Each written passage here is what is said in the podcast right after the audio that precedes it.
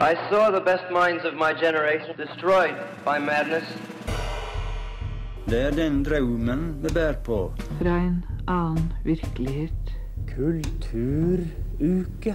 Eh, Ja, jeg heter Dag Solstad, og dere hører nå på Bokbaren, og der er altså jeg.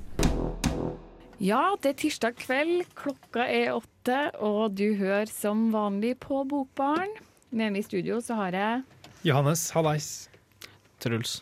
Og Siri. og Siri, og jeg heter Emma. Og i dag så skal vi prate om bokhøsten. Men først, hvordan eh, går det, folkens? Jo, med meg går det jo ganske bra. Jeg har jo sittet hjemme og svart på en, um, en, nordisk en oppgave i nordisk språk og litteratur, så jeg er jo forberedt eh, til kvelden med litt setningsanalyse og norrønt språk osv. Herlig, Yes, herlig. det er herlig, det. Det er bra innhold som er i vente. Å, herregud. Enn du, Truls, har du en fin kveld? Jeg har det ganske greit, har jeg. Jeg har spist middag, så jeg har det bra. Det er alltid Wow. lurt å spise middag før sending. Siri? Nei, du, jeg har det veldig fint. Jeg har faktisk gått i, eh, i Trondheimskvelden og hørt på Gustav Mahler som eh, prepp for å komme hit på, på sending. Så det var oh, nydelig. Fantastisk. Vi skal eh, snakke om bokhøsten, men først så får de låt. Det er 'Mens alle sover' av nummer fire. Ja, eh, i dag så skal vi snakke om bokhøsten igjen. Det er del to. Det, vi, det er så mye bra bøker eh, ute nå at vi måtte bare ha to sendinger, tror jeg, om, eh, om den fine bokhøsten. Johannes, har du noe spesielt du har lest eller har lyst til å lese denne høsten som du syns har utmerka seg? Vi begynner med dem jeg har lest. Jeg har jo lest annet Helga Flatlands 'En moderne familie', som jeg likte veldig godt. En bok som uh, sier mye, synes jeg, om moderne familieliv og kan anbefales veldig bra. Har du en bokpod, jeg tror Aschhaug, hvis det er forlaget hennes, jeg tror det, som har en sånn bokpod der det er Sissel Gran, psykologen, intervjuer Helga Flatland. Det var ganske kult å høre på. Eh, og så har du jo Jan Kjærstads 'Berge', da, som var en ganske stor og omfangsrik roman som tematiserer han 22. juli. Den var bra. Um, I dag, Senere i dag skal vi snakke om Ingvild Berkis eh, 'Et underlig redskap', som er en interessant eh, bok fra bokhøsten. Og, men bøker som jeg ikke har lest, da er det jo kanskje verdt å nevne den boka som du tror har med Rune Kristiansens 'Fanny og mysteriet i den sørgende skogen'. Den syns jeg høres kul ut. Egentlig hadde den, jeg vet ikke hva den handler om, men bare fordi jeg har lyst til å lese Rune Kristiansen, egentlig. Så Ja. det, that's it. Ja. Og enn en Siri og Truls, syns dere det har vært noe spennende å, å lese i høst?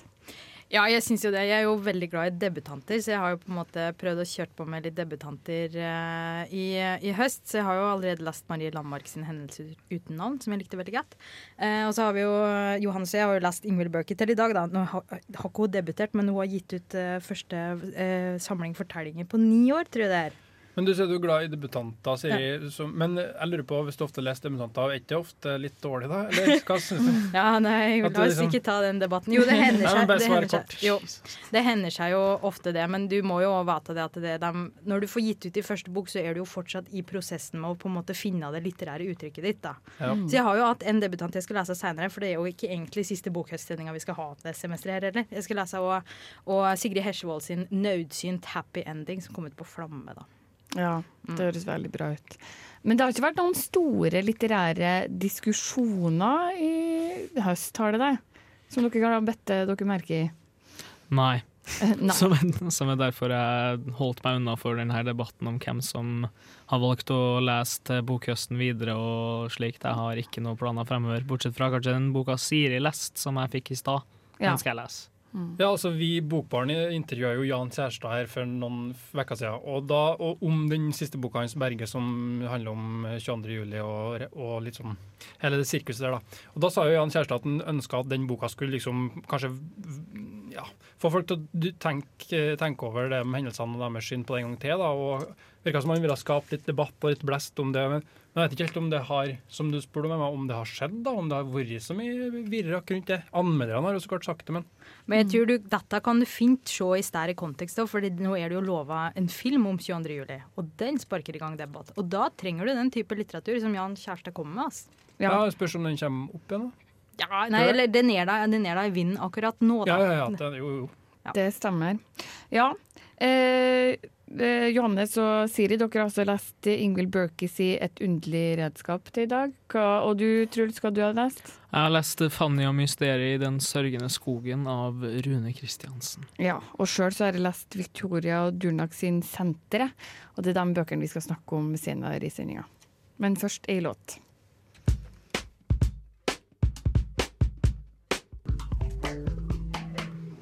Ja, velkommen tilbake til Bokbarn. Eh, Johannes og Siri, dere har lest Ingvild Burkis i 'Et underlig redskap' til i dag. Hvem er hun Ingvild Berkey? Godt spørsmål, det lurte jeg på da navnet hennes dukka opp i bokhøsten. Hun er i hvert fall en eh, norsk forfatter som er født i 1967. Eh, hun har utgitt eh, på, Allerede på 90-tallet, 1994, utga hun dikt og en roman, eh, prosatekster, og hennes forrige bok, da, før den her vi skal snakke om i dag, da, eh, ut, det var en diktsamling, den kom ut i 2008. Så det har sånn spredt produksjon. da. Men eh, jeg har lest litt om henne på nett, og jeg ser at hun har jobba med litt ulike ting, bl.a. som menneskerettsobservatør i Bosnia.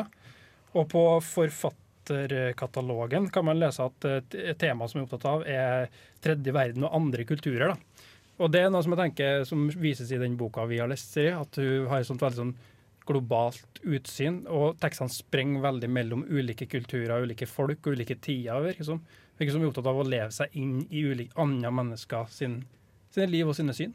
Ja, absolutt. Altså, jeg tror, eh, for Det er jo en samling fortellinger, dette her, og det er i underkant av 50 forskjellige fortellinger. Da. Så det er shit ass mange fortellinger. Det er helt drøyt, liksom. Du skjønner at det her, her har det vært storproduksjon da, på de ni åra som, har- som har gått siden sist. Men hun er jo, hun er jo veldig kritikerrost, og det er jo eh, enormt bra språk, altså stilmessig og språkmessig. Jeg tenkte at det vi skulle Vi kunne høre eh, et lite utdrag fra prologen, altså anslaget til hele samlinga eh, fortellinger. Forestill deg en slange, at den blir flådd levende. Slangens nerver er nå blottlagt langs hele slangekroppens lengde.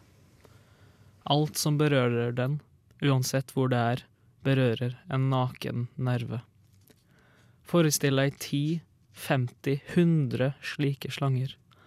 Alle er flådd, alle er levende. Tenk deg at de er stengt inne i et lite, trangt kammer.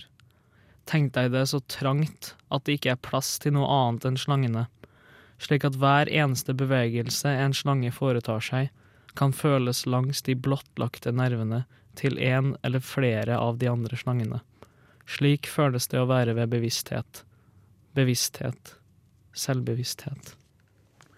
Ja, så det, det er rett og slett prologen til hele, til hele samlinga her. Og du hører at hun er, hun er dyktig med, med språket og går inn i det sånn organiske og skaper bilder som du på en måte kanskje ikke nødvendigvis har tenkt over tidligere. Der er helt enig. Originale bilder og originalt språk.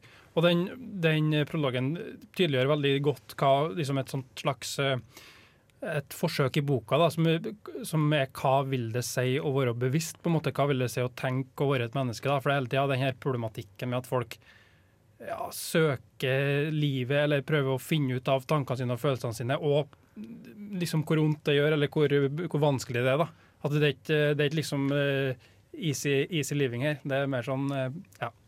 Ja, det er sjukt mye. Altså, de, de er, du møter et så vidt eh, persongalleri her, som alle reflekterer på en eller annen måte over sin egen eksistens. da. Og siden de er satt i så forskjellige kulturer, forskjellige tider, eh, forskjellige til og med språklige stiler, så, så får du, du får et enormt sånn omfangsrikt og, og mangefasettert eh, eh, bilde. da. Ja, så Det høres ut som det er veldig, altså mange veldig ulike fortellinger, men det, det er en rød tråd å, å se her, eller? Ja, ja, vi tenkte jo at det vi skulle ta oss og, For det er jo i underkant av 50 her, så vi tenkte vi skulle rett og slett ta oss og se litt nærmere på denne her tittelfortellinga, da. Et, eh, et underlig redskap. Ja, og det gjør vi etter låt. Eh, Det er 'Kiss, 'Kissed Me In The Backseat' av Jonas Alaska.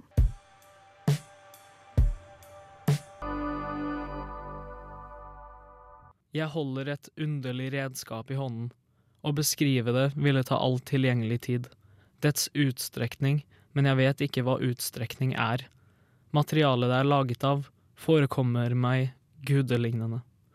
Gudelignende? Jeg har aldri sett Gud. Hvordan skulle noe kunne ligne Gud? I et visst lys Nedgående sol, svart røyk fra bålene, ser det ut som en del av hånden. Hvilke formål er det laget for? De fleste redskaper er utformet med tanke på én, høyst to helt spesifikke handlinger. Bøte et garn, stikke hull i et lærbelte. Formålet lar seg utlede av formen, ikke slik med dette. Er det i det hele tatt et redskap? Ja, et utdrag av Ingvild Berkis 'Et underlig redskap'. Var det. Hva var det vi hørte her, Siri? Der hørte vi faktisk de to første avsnittene i tittelfortellinga, som da er et, et underlig redskap. Og, og jeg syns at det, det her utdraget er så fint, for det har egentlig overføringsverdi til hele boka.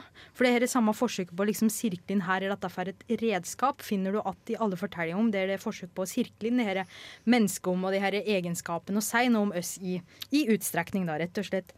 Rett og slett eh, tid og rom. Mm.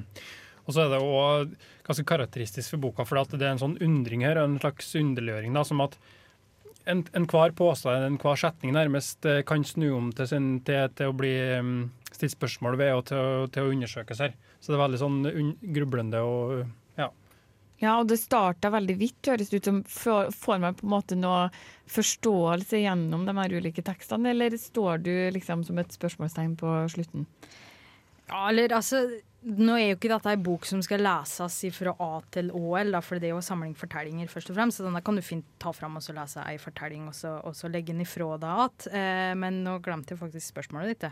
Ja, det var på en måte er, Føler du at du sitter igjen med noe konkret på slutten, eller blir det Eller er det litt flytende gjennom hele fortellinga? Altså det underlige Det her grepet, eh, fremmedgjøringsgrepet, eller underliggjøringsgrepet, for å trekke på, på tittelen her, det, har jo, det, har, det, Poenget med det er at du skal tenke annerledes. At du skal på en måte ta og bygge forståelse på en litt annen måte. Så det er klart du får jo noe ut av det, men du blir jo underliggjort, da. Ja, Angående underliggjort, så har jo dere gjort ganske mye formeninger om eh, det, liksom, teknikkene og slikt i boka, men jeg sitter igjen med en følelse av at eh, er det et slags narrativ eh, som kommer som er gjennomgående, eller er det bare fragmentert, og man sitter igjen med en slags følelse av at å ja, det er bare bruddstykker med tekst som er veldig fin, men ikke noe? Jeg syns at um fragmentert er kanskje ikke så dumt, uh, dumt begrep om denne boka, men, men, jeg vil ikke si at det er negativt. for at noe som jeg som leser hvert fall av denne boka her følte på, at det, jeg strevde litt med å holde uh, på en måte, narrativene som du etterspør, sammen. da. For at de spriker veldig i flere retninger. og Av og til så lurer jeg på har vi har det bytta forteller nå, eller hvem er det som egentlig snakker her, og hvor er vi hen? og det, det, Hun gir ikke nødvendigvis så mye mer informasjon enn du må ha som leser. da. Nei, hun gjør ikke det. Og, og, jeg tror at det, hvis du skal prate om en uh, rød tråd i denne boka, så må du prate om fremmedgjøring som denne røde tråden. For det er så utrolig situert i, på forskjellige måter. Og, og det her spennvidden du finner i f.eks. kulturell sitering etc., et nei, situering etc., det finner du òg i de narrative teknikene. For det skifter mellom noen av fortellinger har det her jeg-fokaliseringa, som gjør at det en jeg-forteller er alltid upålitelig, så du aner ikke kan du tro på det du leser om, og så er det kanskje satt i, i Orienten da, til av en eller annen grunn, så det får sånn enormt mystisk preg. Men òg den tredjepersonsfortelleren kan få det tilsvarende preget, for da er det kun det blikket utenfra ofte som òg er enormt sparsommelig med den informasjonen. Så det er et enormt fortolkningspotensial i de her fortellingene. Er enig i det om underløring som en slags rød tråd. En annen rød tråd tenker jeg kan være at uh det der med ulike kulturer. Da, og at uh, Av og til så fikk jeg følelsen av at det er folk som er, kanskje har reist en plass der de vanligvis ikke oppholder seg. At det er en slags, Om de er på ferie eller en slags arbeidsopphold eller noe sånt. Eller så er det folk som er i sin kultur, som drømmer seg bort. Sånn som i den åpningsteksten da, med et underlig redskap, så er det en som fabler om å reise reise bort over ørken, så skjønner vi ja, hvor er han igjen. Altså Det er en tydelig sånn Eh, gammel eh, forhistorisk eh, plass, da, for de har på en måte bare sånn enkle redskaper. men sånn, Så han må reise bort da, det med kulturen versus mennesket og resten av verden i universet. Ja, for det å se at det er utrolig mange til fortellinger om det her er temaet med, med, de fremmede, det, det, andre og det her er det ukjennse. da. Altså Du får på en måte alt ifra, alt ifra yoga til apokalyptiske fortellinger i en eller annen form for sånn kafkaesk stil finner du i de her fortellingene. da. Men sitter du igjen med en slags følelse av at det her er et veldig fresht bidrag til uh, ny samtidslitteratur, eller bare et eksperiment? Ja, altså Vår gode venn Kalle Knausgård, han kalte jo altså Karl Ove da, Karl Ove Knausgård, han kalte jo, han kalte jo uh, boka for et mesterverk. Så han, og, og jeg vil også si at uh, uten å verken si for eller imot på det, men altså, det, jeg vil nå si at det er ganske sånn eh, annerledes enn mye annen litt norsk litteratur. Eller, så jeg syns det er frisk pust, ja. Ja, det er helt annerledes. Og Ja. dette, er, dette er god fortellerkunst som, som kjenner de litterære grepene og virkemidlene inn og ut. Og det er derfor det er så utrolig spennende òg, ikke sant? I motsetning til mye norsk samtidslitteratur som vi ser som mer Det her er jeg-fortelleren som skal liksom utlegge alt om livet sitt. Det, det, her er eh, for, ja, fortolkningspotensialet og rett og slett god skrivekunst, da. Men vil dere anbefale å på en måte lese den stykkevis, eller som en enhet? Altså, Er det her en bok man kan plukke opp innimellom, liksom? Ja, jeg tror det, men jeg tror at det er en bok som fortjener å leses på den måten leseren sjøl foretrekker å lese samlinger fortellinger. Da. Ja. Vi skal høre ei låt. Det er På ny med Fredrik William Olsen.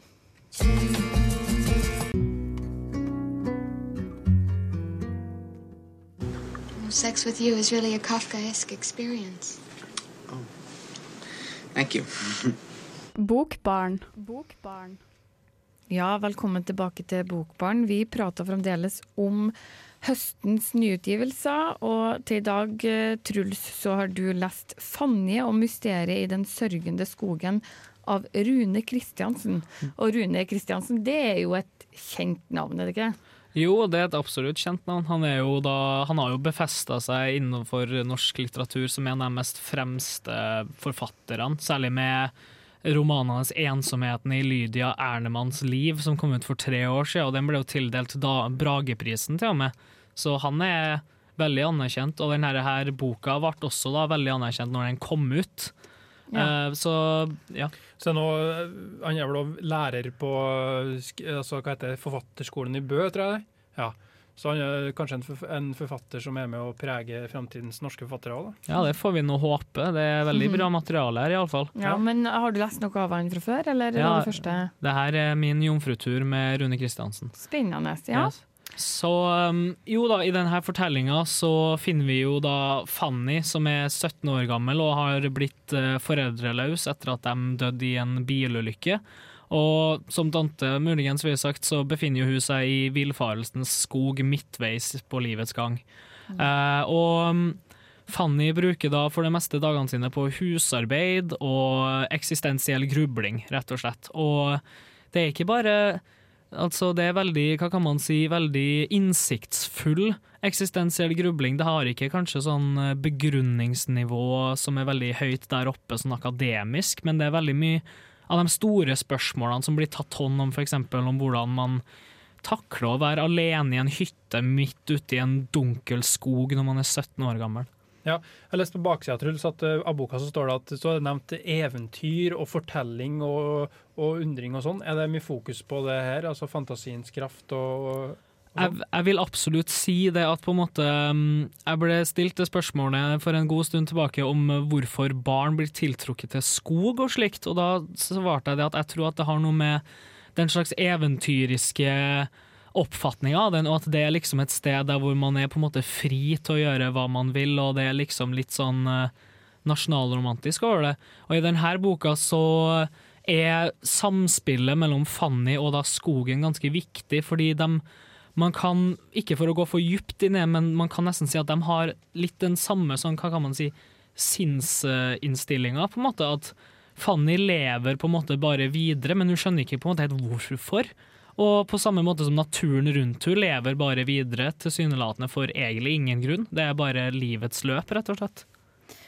Jeg har jo, eh, det virker jo til å være en utrolig spennende bok. Han har fått eh, sjukt gode Altså, jeg har rulla mye seksere og, og, på den boka her. Og, og deler av resepsjonen også, og har jo tigget tak i her utrolig vis og klok litteratur. Dette her. Så jeg lurer egentlig på jeg tror du Lærte du noe?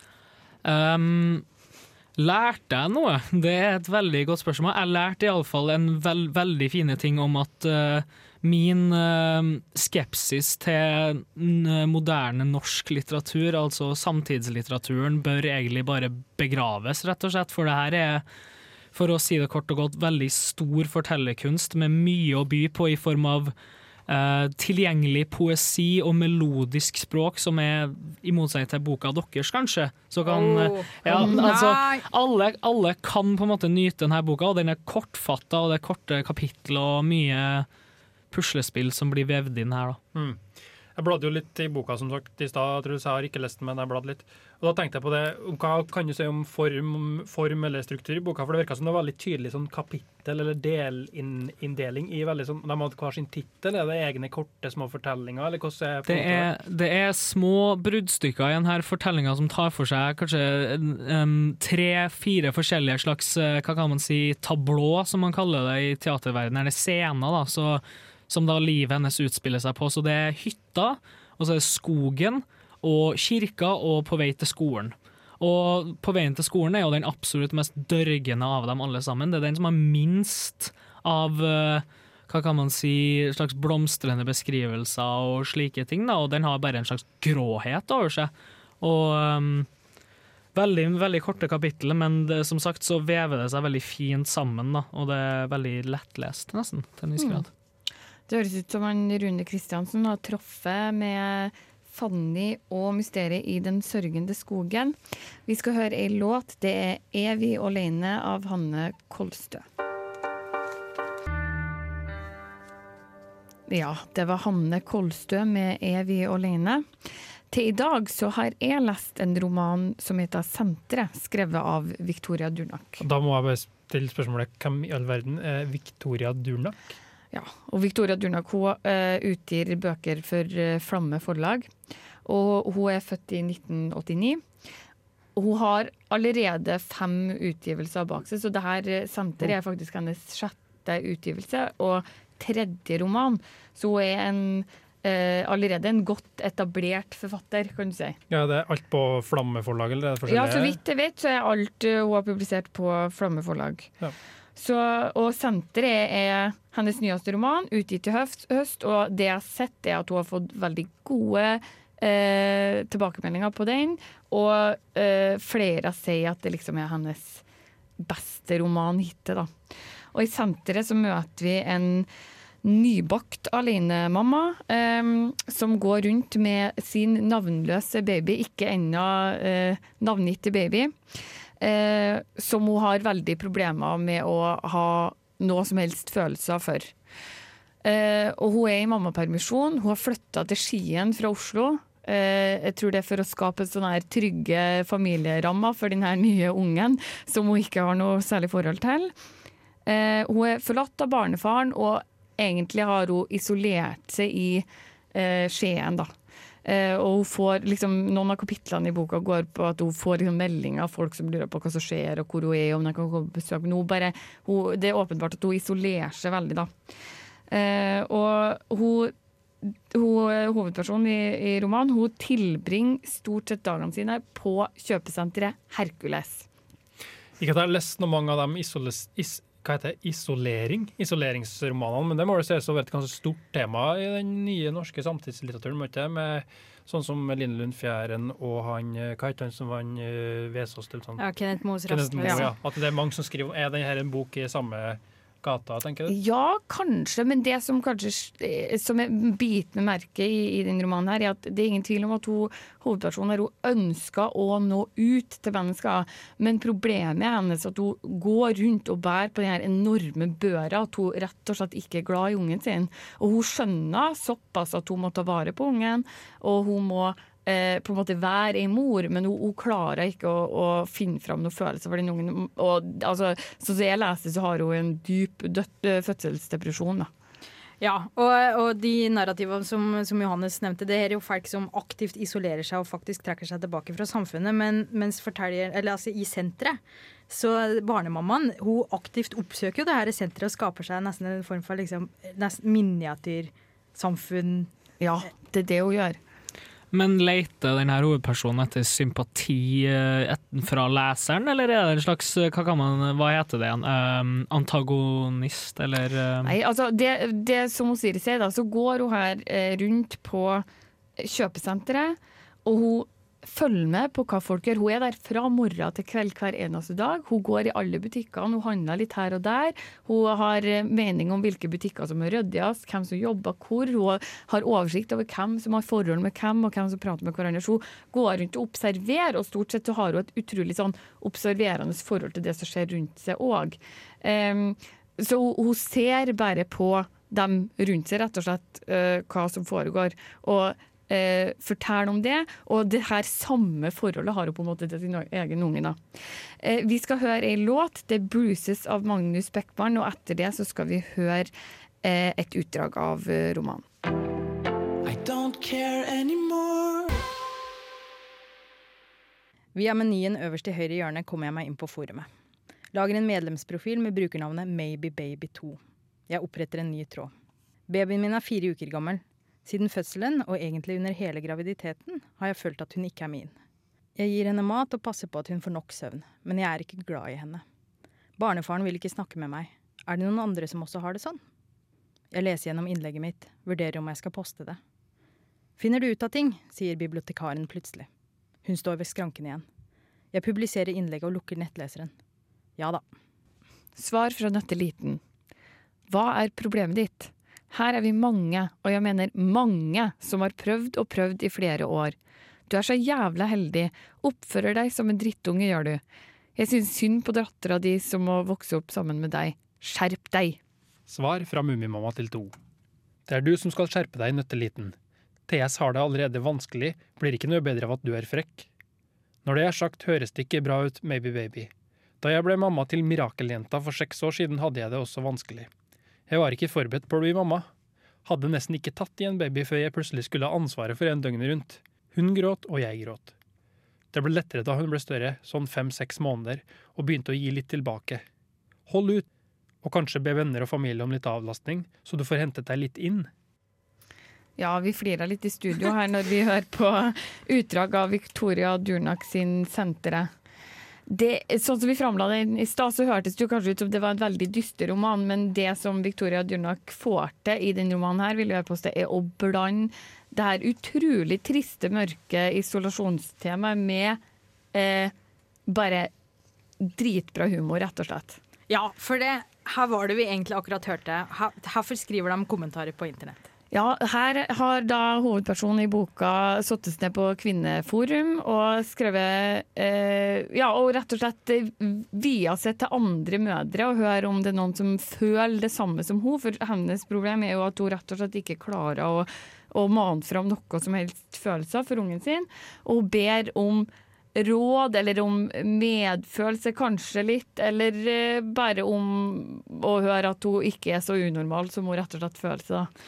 Ja, for, det, for jeg tenker at når du er på Kvinneguiden, eller Kvinneforumet på nett, Ja, og, du, og du går daglig til et kjøpesenter for å, Eller det er kanskje ikke åpent, åpent på søndager, da, men eh, du går daglig dit for å observere are folk. Jeg tenker det må jo oppstå enormt mange sjuk, sjukt artige situasjoner. Ja, og det er det som er hun, altså, hun er så utrolig god på å observere, og det er det også hun observerer folkene som jobber, og, men òg etter hvert så begynner hun å følge litt etter folk. At hun, opp, hun oppdager folk som hun syns kanskje er litt ekstra interessant, så hun følger litt etter dem, og så søker hun mye kontakt, ber personalet om å kanskje bli med på lunsj.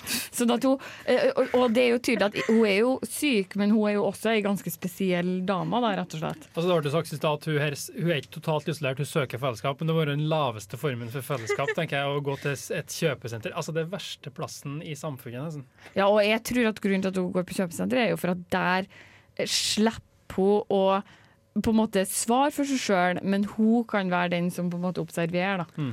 Ja, samt at jeg syns det virker som en utrolig interessant og morsom observasjon av mennesker som på en måte gir livet sitt mening ved å ta for seg observ eller dypdykke i andre sine liv, og det er jo deprimerende nok som det er, så er det jo veldig jeg vet ikke, interessant tema å ta for seg. Ja, og I tillegg så tror jeg hun har behov for å komme seg ut av leiligheten hvor hun er alene med den her ungen som hun absolutt ikke føler at hun har noe forhold til. Og Det er veldig interessant hvordan hun viser på en måte at, at hun ikke, ikke egentlig føler så mye for den ungen. Hun, hun, um, gjennom språket da spesielt så vises det at hun på en måte ikke har så store følelser. Hun kaller det bare babyen. Det er ikke babyen min eller ungen min, det er liksom babyen. og Så synes jeg at Det var et ganske sånn kult grep å ta med den her hele verden med nettforum og, og de nikkene de har med sånn Mummimamma til to. Og, sånn, og det språket som er der, det gir på en måte hele teksten og romanen et, er helt, et nytt lag. da. Ja, definitivt. Ja, også Maybe Baby 2 er kanskje det beste forumnavnet på, på lenge. Nei, men um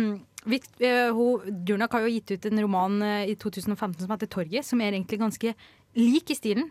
Går, eh, observerer. Rett og slett folk. Så jeg tenker, nå er det sikkert finslipp, da. Senteret. Det må jo være sjukt artig. Ja, det er veldig, veldig artig. At sa her i stad, Emma, om det gikk meg forbi, men var hun, er hun norsk, Victoria? Hun er norsk, Ja. det er hun. Mm. Vi må runde av eh, praten om senteret. Eh, Det blir låt 'These Three Things' av Åt. Ja, vi begynner å nærme oss slutten på andre sending om eh, bokhøsten.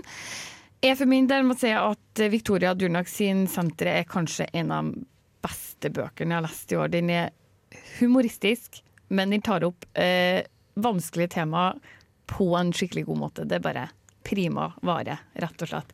Enn dere, Siri og Johannes, er, det, er Ingvild Berkey verdt å lese? Ja. Det vil jeg si, jeg kan, jeg kan følge opp da med å si at jeg tror i hvert fall Et underlig redskap er den mest uh, underlige og nyskapende boka jeg har lest den bokhøsten her. Ja, og så tenker jeg folk ser at de er, er så glad i litteratur at de ikke trenger å reise, så bare plukk opp denne her, så får du reist shit ass mange plasser. Yes. Sant. Ja, en Truls han Rune Kristiansen. Vel, Rune Kristiansen har eh, kurert min blindhet mot eh, ungdomslitteraturen uh, innenfor norsk litteratur, som jeg forakta før. Så jeg tror ikke en forfatter kan gjøre særlig mye bedre enn det, rett og slett. Det er den beste boka jeg har lest i år. Det er det, ja. ja såpass. Lett. Um, men det er ei ungdomsbok. Der Ja, ja, en, ja, og det, jeg, jeg liker ikke ungdomsbøker egentlig, men den her blew me away, rett og slett. Blew you away, ja. Det er Bokbarnet er fullt av lovord i dag. Ja. ja. Vi har plukka ut gode romaner, tror jeg. vi må anmelde noe dritt til neste gang. Ja, rett og slett. Ja. Ta en debutant da, du sier. Men vi kommer til å prate om flere nyutgivelser i løpet av høsten. Dette var alt for i dag. Eh, Takk for oss.